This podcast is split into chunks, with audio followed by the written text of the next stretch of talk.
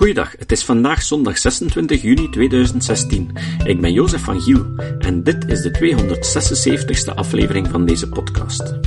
Op 17 mei heeft Skep opnieuw zijn sceptische prijzen uitgedeeld. De jury besliste dit jaar om de sceptische put niet uit te delen, omdat niemand voldoende zijn best had gedaan. De zesde vijs is wel uitgereikt. En niet zomaar aan de eerste de beste.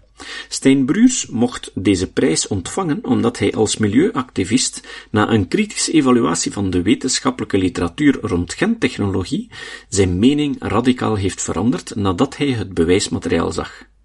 Dat is op zich een stevige prestatie. Vandaag horen jullie in dit derde deel de dialoog met het publiek. De vragen vanuit het publiek zijn niet altijd zo goed van klankkwaliteit, omdat er geen zalmmicro was. Ik heb bij het editen toch geprobeerd om het zo goed mogelijk te krijgen.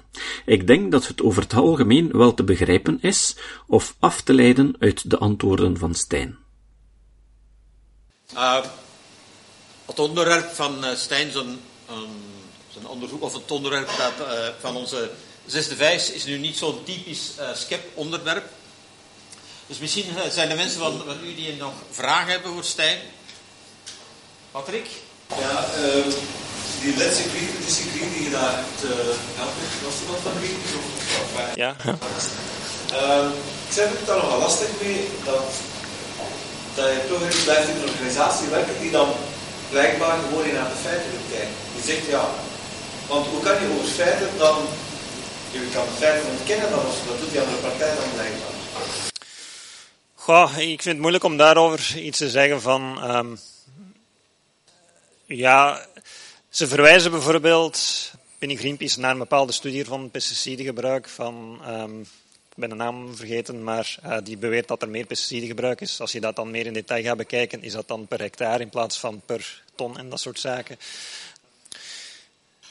Dus ja, maar, het zou wel het zou wel zo zijn dat ik weet eigenlijk niet hoe, dat het type van binnen in de campaigner van Greenpeace, wat, wat er in hun hoofden omgaat.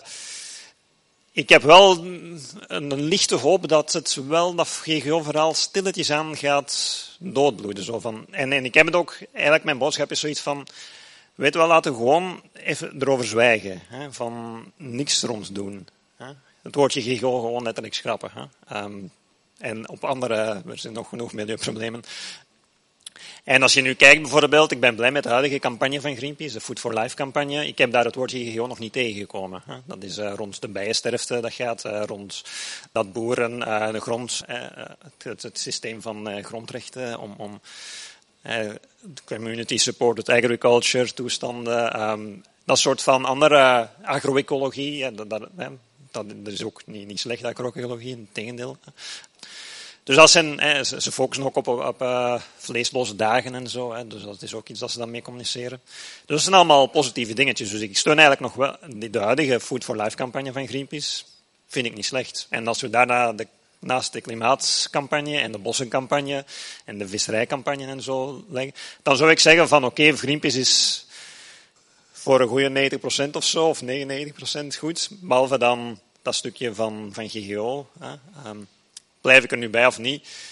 Ik heb dan persoonlijk de keuze gemaakt van ja, ik steun ze nog. En afspraken gemaakt van als ik acties doe, dan ga het over die thema's zijn waar ik uh, vind dat ze goed in zijn.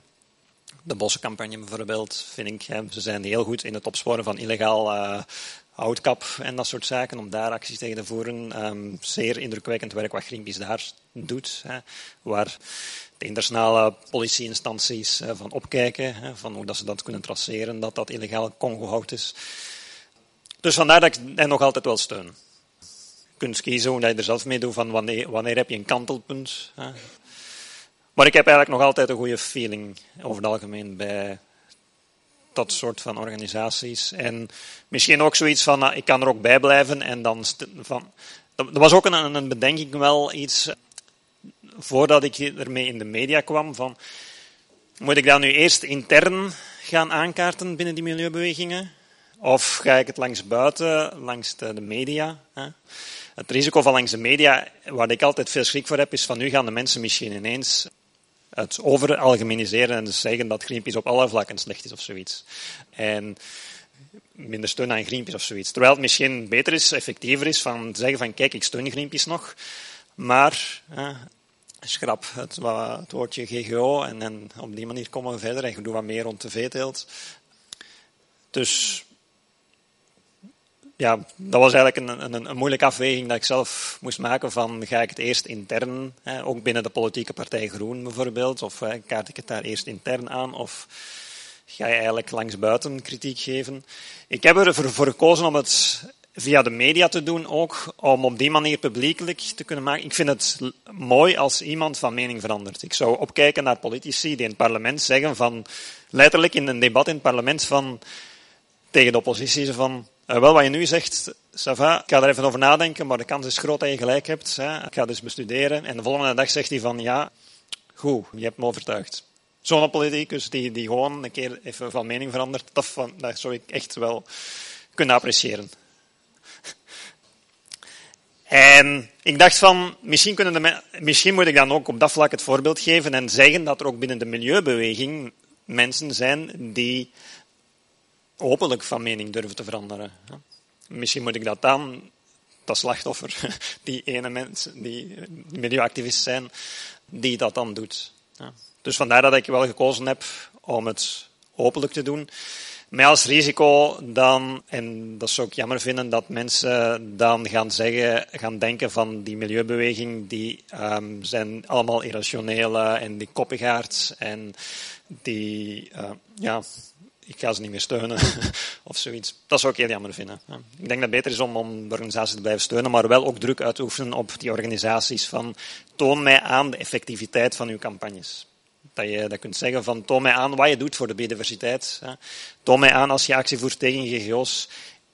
Bewijs dan een keer dat dat beter is voor de biodiversiteit. Als je dat niet kunt. Dus op die manier. Hetzelfde als wat de effectieve altruïsmebeweging letterlijk doet met organisaties. Van, uh, ik geef u een organisatie, ik geef u 100 euro, zeg mij hoeveel gezonde levensjaren je daarmee kunt redden. Dat soort van zaken. Als je niet kunt zeggen, pech, maar dan ga ik misschien wel een andere organisatie steunen die dat wel kan zeggen. Er zijn organisaties die dat kunnen zeggen. Dus op die manier dat we eigenlijk op die manier de, de organisaties, milieuorganisaties, gezondheidsorganisaties beoordelen en zorgen dat ze druk voelen, zoals je in een marktsysteem druk zou voelen. Hoe waren eigenlijk reacties, andere reacties binnen de milieubeweging van andere mensen? Moeite dus of zijn er die denken van hij is omgekocht door... Um, er zijn er een paar mensen die ik niet zo goed ken, die redelijk teleurgesteld zijn en bijna zoiets zeggen als omgekocht of insinueren. Um, dat wel. De mensen die ik wel redelijk goed ken, waar ik goede contacten heb bij de, WWF, de Greenpeace, de Ecolife. De... Dat is eigenlijk rustig verlopen allemaal. We hebben binnen Ecolife er een keer uh, ook uh, een gesprek over gehad. Dan naar aanleiding van in de media natuurlijk, onvermijdelijk. Hè. En ja, eigenlijk, ik zou kunnen zeggen, die situatie was zoiets van let's agree to disagree. Met de campagne van Greenpeace van al hetgeen wat ik zeg rond GGO's, dat is mijn eigen persoonlijk standpunt. Als ik in naam van Greenpeace een lezing ga geven, ik ga niks zeggen over GGO's. Ik ga zorgen dat het niet landbouwgerelateerde thema's zijn als ik een lezing geef over Greenpeace, om dat soort van toestanden te vermijden. om, om te vermijden dat je verschillende petten moet gaan opzetten. Dus op die manier uh, zijn er wat afspraken gemaakt, zullen we kunnen zeggen. Maar eigenlijk verliep dat bij mij nog vlot of, of um, vriendelijk, vind ik. Uh, Ja, dat, dat is ook nog uh, verbazend. Um, heel veel mensen, ik, wil nu misschien geen namen noemen, heel veel mensen binnen de groene politieke partij, binnen Greenpeace, binnen andere milieuorganisaties, die letterlijk duidelijk tegen mij zeggen van hoe dat je dat doet. Ja. Dus uh, er zijn mede-activisten van Greenpeace, er zijn mede, er zijn andere mensen waar, die ik weet, die, waarvan ik het ook niet had verwacht dat die ook meer pro-GGO's zijn. Ik had dat niet verwacht. Dat die, dus ja. Je dat, dat we allemaal, heel veel mensen meegaan in dat verhaal oorspronkelijk van GGO's en per definitie slechts in elkaar en, en wel, um, hoe, dat te verklaren is, ik kan misschien verwijzen naar een artikel dat mede door uh, Johan Braakman geschreven is over uh, bepaalde denkpatronen die mee kunnen spelen bij GGO's. Um, iets wat ik zelf aan het werken ben, is uh, zo'n boek ook rond morele illusies. De spontane, foutieve morele oordelen die hardnekkig zijn, maar die botsen met onze eigen waarden. En, uh, en er zijn een aantal trucjes of zo die bij het GGO-verhaal uh, spelen. En eens dat die zaadjes daar gezet, geplant zijn, dan blijft hij lang spelen. Bijvoorbeeld, je hebt zoiets als morele walging. Kunnen wij in een bed slapen waarvan je weet dat er een verkrachting is geweest? Kun je het hemd van Dutroux dragen? Je gaat geen verkrachter worden of pedofiel als je het hemd van Dutroux draagt, maar toch hè, hebben wij zoiets van, oh, dat is besmettelijk. Hè. Zou je fruitsap drinken waarin een gesteriliseerde kakkerlak in is gevallen en je haalt die kakkerlak eruit? Meest, veel mensen hebben zoiets van, nee, ik drink er niet, niet van. Hè terwijl er geen besmetting is. Nu, als je dan kijkt naar die communicatie rond GGO's, dan wordt die morele walging ook wel getriggerd door taalgebruik, zoals Frankenfood, besmetting van genen, hè, genetische besmetting, dat taalgebruik. Eens dat je op die manier je walgingscentrum in je hersenen gaat aanspreken, ja, dan daarna kun je rationeel erover gaan nadenken. Het blijft, die, die dat gevoel van walging blijft hardnekkig. Je, je weet dat er geen enkele bacterie in dat fruitsap is, hè, dat die, die kakkerlak was gesteriliseerd.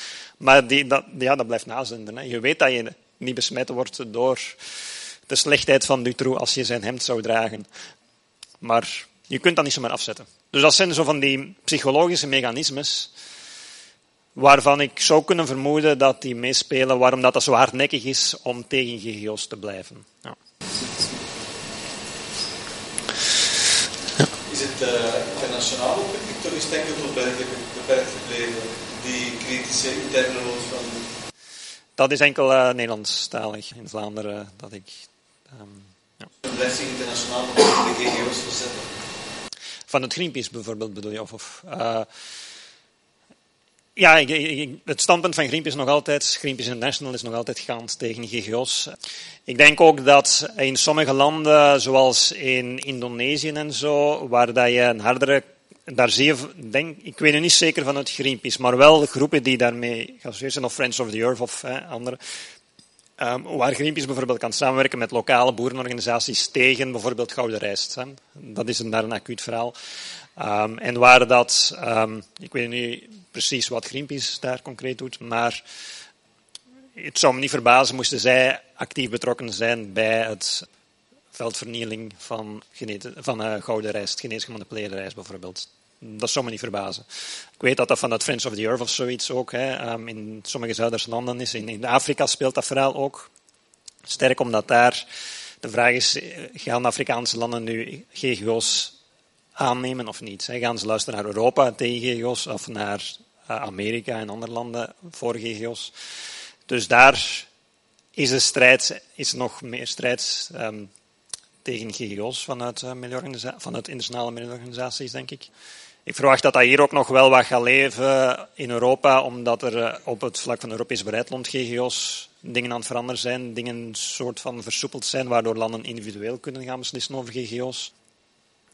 Maar voorlopig, ik ben nog een beetje relaxed van Greenpeace België doet eigenlijk actief gezien toch uh, heel weinig concreet tegen GGO's. Vergeleken met in andere landen. Uh, als je nu kijkt naar de, die landbouwcampagne van Greenpeace, ik heb het woordje GGO nog niet gevonden. dus dat vind ik lichtjes een positief teken. Misschien is dat alleen maar in die Greenpeace België. Wel, het is een Europese campagne wel, hè, van die Food for Life. Ja, ik kan, er, ik kan er eigenlijk weinig over zeggen, want ik, ik ja, maar Kleinas heeft wel beslist om Greenpeace te verlaten. Mm -hmm. uh, kunnen we daaruit afleiden dat ze een veel harder stand kunnen nemen? Dat zou kunnen. Ik ken, ben eigenlijk, ik ken eigenlijk enkel de, de ja, vooral de, de Vlaamse Greenpeace-context, de Vlaamse activisten van Greenpeace, de Vlaamse campagnes. En op zich vind ik het eigenlijk nog meeval. Ja, in, in het verleden, ik heb ze ook maar meegedaan natuurlijk. Hè, van, van, ik heb het gezegd, hè, van die GGO Soja bijvoorbeeld, een bedrijf gaan bezetten en zo. Dus. Maar ik, ja, ik, ik heb een, stiekem wel een hoop van. Ik, ik hoop dat, ze, dat het stilaan gaat, doodbloeien. Dat dat ze het woordje GGO gaan schrappen in hun campagnes en dat ze gewoon gewoon letterlijk gaan zeggen, we zijn tegen pesticiden. En, uh, dat is wat je nu ziet gebeuren ook. Van, van, uh, je kunt erover discussiëren in hoeverre dat het recht is van uh, het glyfosaatverhaal van pesticiden. Hè, hoever dat, dat een doeltreffende een actie is.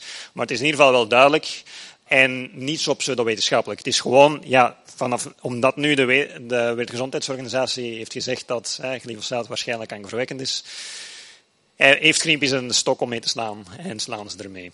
En dat is niet onredelijk, vind ik. Van oké, okay, als de Wereldgezondheidsorganisatie dat zegt, ja, nu kunt dat moeilijk gaan. Zou we ook ervan uitgaan, nu dat het weer, weer al deze week heeft gezegd dat het waarschijnlijk niet de Greenpeace mee gaat volgen? Daar durf ik niet over te zeggen van... Uh, dat is deze week uh, het goede ook op, dat gezegd, cultuur. Ja. Ja, ik, ik weet het niet. Van, van, dat is effectief waar dat de Wereldgezondheidsorganisatie het, de, het, het heeft geschrappeld. Heeft deze week laten weten dat zij, wat glyfosaat betreft, er toch wel naast zaten. Dus als het WHO tegen hm, interessant. glyfosaat is, en Greenpeace volgt, mm -hmm. die dat WHO omslaat, dan Greenpeace geen omslaan. Dat zou leuk zijn. uh, ja, um, het, is, een moeilijke zaak. Ik, ik, zou kunnen zeggen van niet omdat ze er echt wel investeren in die campagne. Ik zou het leuk vinden moest Greenpeace het lef hebben te zeggen van oké, we volgen het WHO. Als de WHO terug dat zegt, dan zeggen we dat nu ook. Dat zou een, een, een, simpel leuke ding zijn, maar ik weet, ja, we kunnen, we verwachten allebei waarschijnlijk wel dat dat, als je echt effectief met je voeten in die campagne staat, dat dat nog niet zo simpel is. Um, dat is tandenbijten, dat is schrik hebben hoe dat je achterban gaat reageren, dat is dat soort zaken. Dus ja, het is interessant dat je het zegt van ja.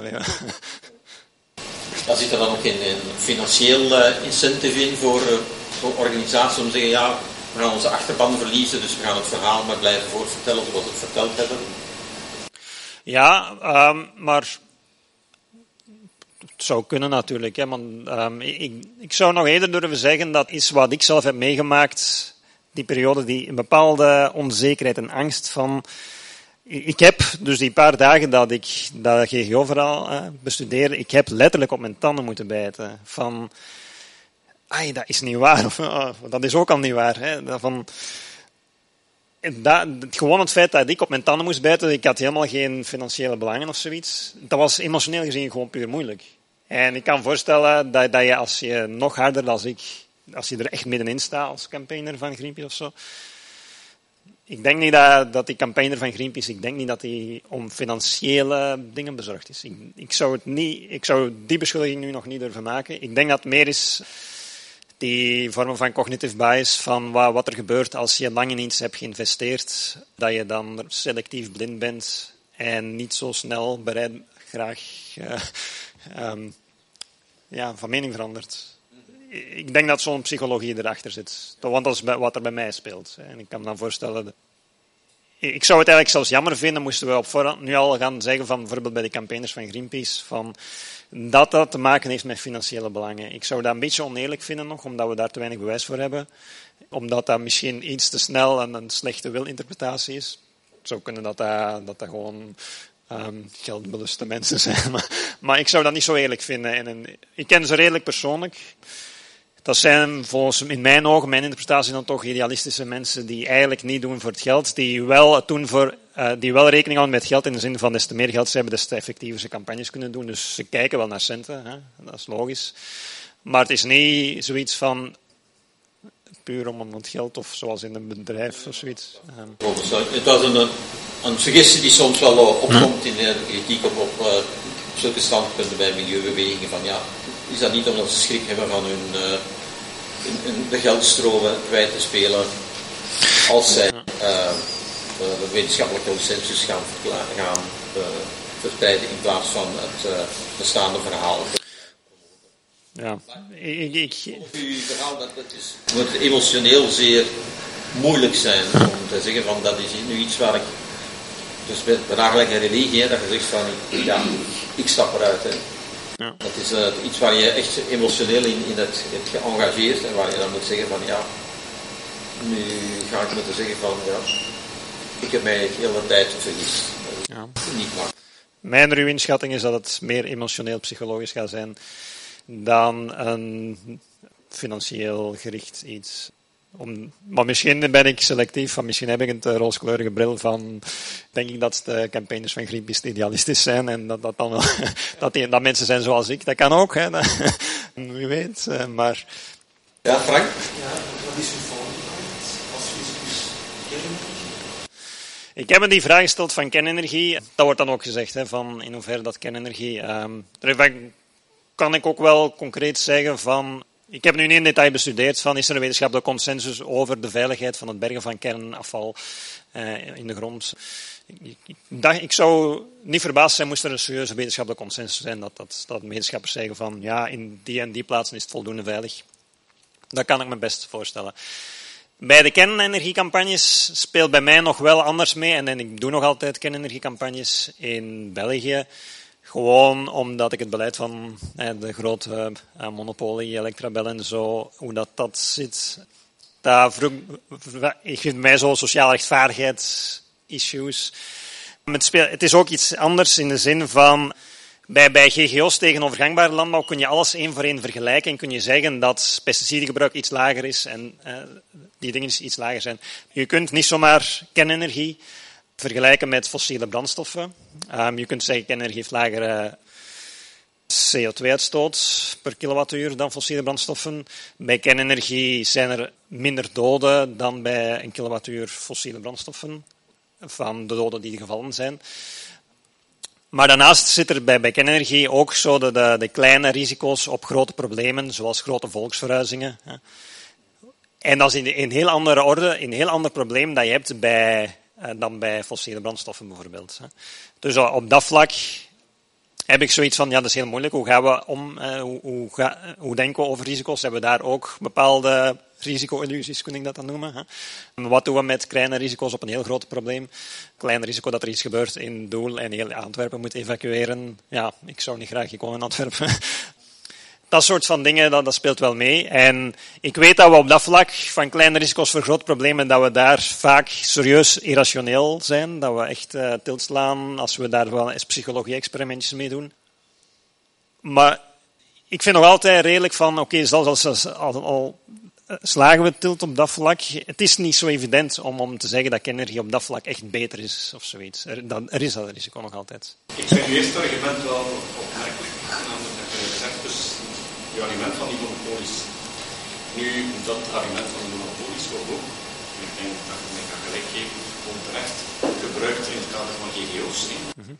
Dat is altijd Nu, uh, ik heb, uh, ik denk dat een jaar of twee geleden is al, een, een discussie gevolgd met uh, Mark van Montagu, de uitlegger van de technologie, de vectortechnologie om GGO's te maken. Hij was trouwens groot verdediger.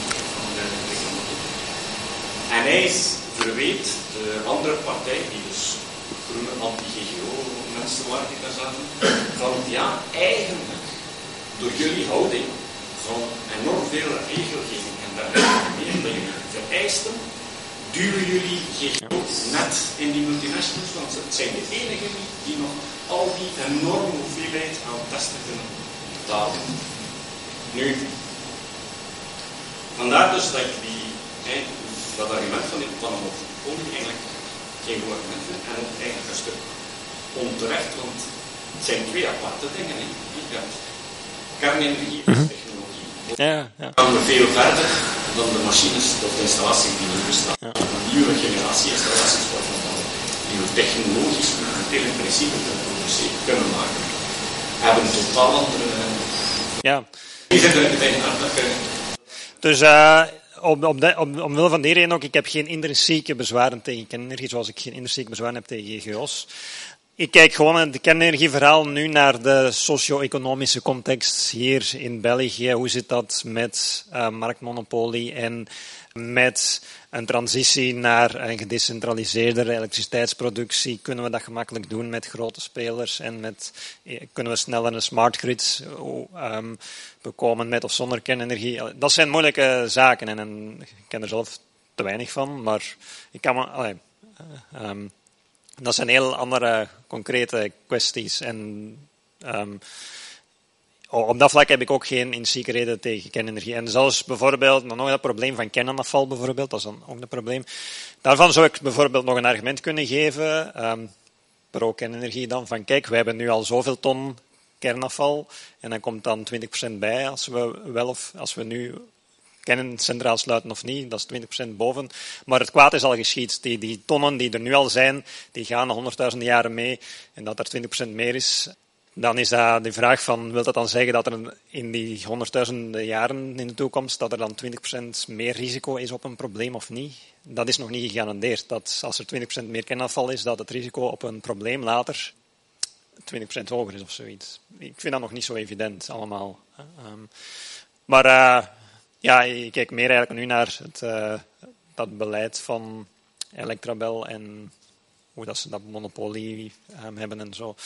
Dat is eigenlijk meer een, een motivatie om uh, een kerncentrale te gaan bezetten, wat ik al vaak gedaan heb met Greenpeace, dan... Allee, de discussie dan. Want dus in, in principe, door, door die houding de politieke partijen geen sterke standpunten nemen die pro de technologie gaan. Want als politieker zou je kunnen beslissen, oké, we gaan ervoor, voor de nieuwe technologie, er bestaan nieuwe technologieën met kleine installaties, en we geven een concessie niet alleen aan Electrabel, maar aan veel verschillende spelers. En die discussie komt niet. Ja, dat zou kunnen. Um, ik ken daar te weinig van en ik kan me voorstellen dat ik zo, um, ik weet niet of dat ik eigenlijk persoonlijk de moed heb om nog eens een, een paar dagen dan verhaal. Dat is waar, hè? Dat is, um, ik, ik heb dat bewust niet gedaan. Ik, ik zwijg over kernenergie op dat vlak. Om, ik vind dat moeilijk. Ik, ik me nu bezig met veeteelt uh, te bestrijden en, en de ontbossing en zo. Iemand anders mag misschien. ja, maar ik weet, ja, de, ruwe inschatting dat ik heb van kernenergieverhaal, god, dat is echt, dat is nog moeilijker. Dat, dat, dat economisch verhaal daarachter en en je hebt die snelle technologische, de, wat is het, vierde generatie reactoren, toestanden. Uh, ik kan het allemaal zoals als fysicus, is dat al te lang geleden voor mij om echt inschatten. Uh, ik ben er a priori niet tegen. Dat is, dat is duidelijk. Zo toch een beetje cognitieve dissonantie wil ik als, je er, uh, als je zegt, ik ken er te weinig van, vind ik toch wel een galaxie goed tegen. Ja, maar um, die actie is dan, dan specifiek gericht over hoe dat Electrabel dat monopol heeft, bijvoorbeeld. Of hoe dat, ja, dat, dat klein risico op een groot probleem. En dat gedoe met, ja, gewoon nog altijd de, bezorgdheid van wat als er iets gebeurt in doel. Uh, en, en op dat vlak kan ik, durf ik wel te zeggen van, ga me niet zeggen van, nee, die kans is klein, dat gebeurt niet. Want dat hebben ze in Fukushima ook gezegd. Dus zoiets kan ik wel counteren van, in Fukushima heeft ze, hebben ze letterlijk gezegd, dat kan niet dat er zoiets gebeurde, hè, wat we hebben gezien gebeuren. En op dat vlak heeft de kernenergiesector hun geloofwaardigheid wel verloren. Hè. En is het niet onredelijk om blijven actie voeren um, tegen kernenergie, denk ik. Je zou wel kunnen zeggen, het is onredelijk om, om stel dat er dan die betere, veiligere uh, kernreactoren zijn en, uh, waar dat geen gevaar voor kernwapens van plutonium, whatever, uh, is. om daar gaan tegen actie te voeren, dat is ook niet zo snel toe geneigd zijn. Persoonlijk, um, misschien ook wel zoiets van in termen van effectief milieuactivisme um, heb ik wel redelijke twijfels of dat het kernenergieverhaal een vorm is van effectief milieuactivisme. Ik denk, als je kernenergieverhaal opnieuw vergelijkt met mijn stokpaardje, de veeteelt gaan verminderen aan, uh, aan minder dierlijke producten. Ik zou eerder gokken dat veeteelt en overvissing aanpakken, dat dat uh, duidelijker effectief milieuactivisme is. Dat wel, maar ja, moeilijke discussie. En ja, het is een lichte cognitieve dissonantie dat je op die manier... Ik mag er niet hard over nadenken, over het begint weer. het is een, uh, een onderwerp dat heel wat uh, vragen een heel interessante opmerkingen losweekt. Nog iemand een vraagje? Dan gaan we de avond afsluiten. We gaan eigenlijk nog een, een act voorzien naar onze Hooglaris omvalling van jaren redenen eh, niet eh, kunnen, kunnen uh, opdagen. Dus er is toch heel wat bier en wijn in de, in de bar. Neem nog een glaasje, praten zonder elkaar. En misschien dat sommigen van jullie nog niet durven hier een vraag stellen. Hè? Dus ik ga nog even onze winnaar uh, lastigvallen met uh, interessante vragen. Of niet lastigvallen, maar... Het was heel leuk van, van jou hier te hebben. Het is een, een onderwerp waar we in de SCEP eigenlijk nog niet zoveel, rond, wel rond GGO's, maar niet rond die, die, rationele ecologie die jij, die jij promoot. Ik, vind, ik heb al een aantal dingen zitten lezen op je blog. Het is, uh, ik vind daar altijd zeer goed onderbouwde argumenten voor de, dingen waar, waar je achter staat. Uh, het is echt de moeite om uh, daar eens te gaan grasduinen. Um, heel veel respect voor, voor wat je gedaan hebt en voor, voor die omslag die je gemaakt hebt en de manier ook waarop je daarmee omgaat. Altijd op een positieve manier in je ecologische gemotiveerde uh, acties blijven uh, geloven en daarin voortgaan, maar met een, uh, een goede wetenschappelijke ondersteuning. Het is een heel eer voor ons van, u, van jou hier te hebben vanavond en van jou als nieuwe winnaar van de zesde vijfde. Bedankt.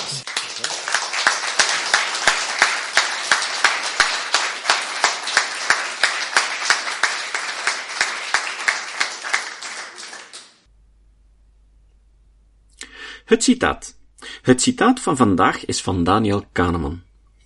Kahneman zei: Niemand zou zeggen: Ik heb voor deze man gestemd omdat hij een stevige kin heeft. Maar dit is in feite gedeeltelijk wat er wel degelijk gebeurt. Tot de volgende keer. Deze podcast is het resultaat van het werk van veel mensen. Rick de Laat verbetert bijna al mijn teksten en maakt de meeste vertalingen. Emiel Dingemans verzorgt onze website en Facebookpagina. Ook Leon Korteweg en Stefan Sutens schrijven, vertalen of verbeteren soms artikelen. Leon onderhoudt bovendien het YouTube-kanaal van deze podcast. De muziek van de intro en de trailer heeft Nick Lucassen geschreven en soms maken we ook gebruik van muziek van Ad van Nederpelt, die ons zijn prachtige composities ter beschikking stelt. Dit was de podcast Kritisch Denken. Vergeet niet om alles kritisch te behandelen, ook deze podcast. Voor verdere informatie over deze podcast, links en voor de tekst, surf naar www.kritischdenken.info. Als je deze podcast belangrijk vindt, kun je me steunen door anderen warm te maken ook eens te luisteren. Stuur een e-mail naar vrienden met een link naar de website en plaats de link in de handtekening van je e-mails. Tevens kun je op iTunes deze podcast een beoordeling geven of een recensie schrijven. Of je kan op je eigen website of blog een link naar kritisch denken plaatsen.